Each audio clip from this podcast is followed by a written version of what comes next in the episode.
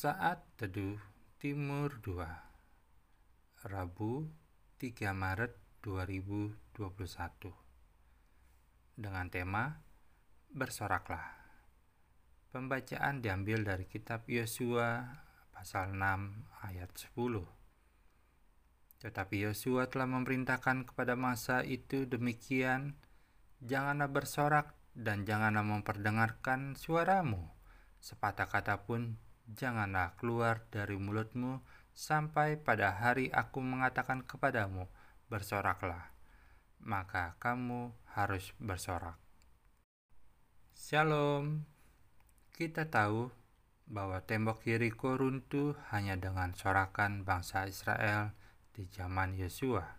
Tembok yang tebal dan tinggi bisa runtuh hanya dengan sorakan bangsa Israel.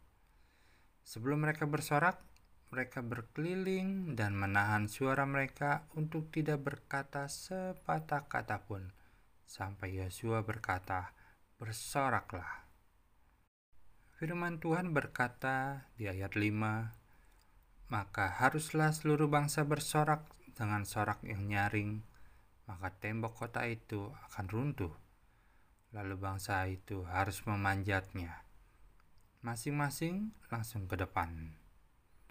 Tidak berkata sepatah kata pun selama mengelilingi tembok. Bisa dibayangkan jika bangsa Israel bisa berkata-kata selama tujuh hari mengelilingi tembok.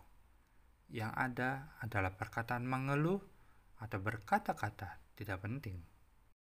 Ketika kita diperhadapkan dengan masalah yang kecil atau besar, berkeluh kesah atau menghujat adalah perkataan atau tindakan yang hanya akan membuang energi kita dengan percuma.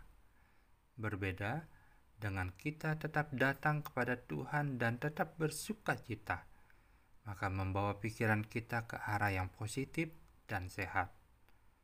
Tetaplah bersorak bagi kemuliaan Tuhan, ia akan tunjukkan jalan untuk raih kemenangan. Selamat menikmati hari baru Tuhan Yesus memberkati.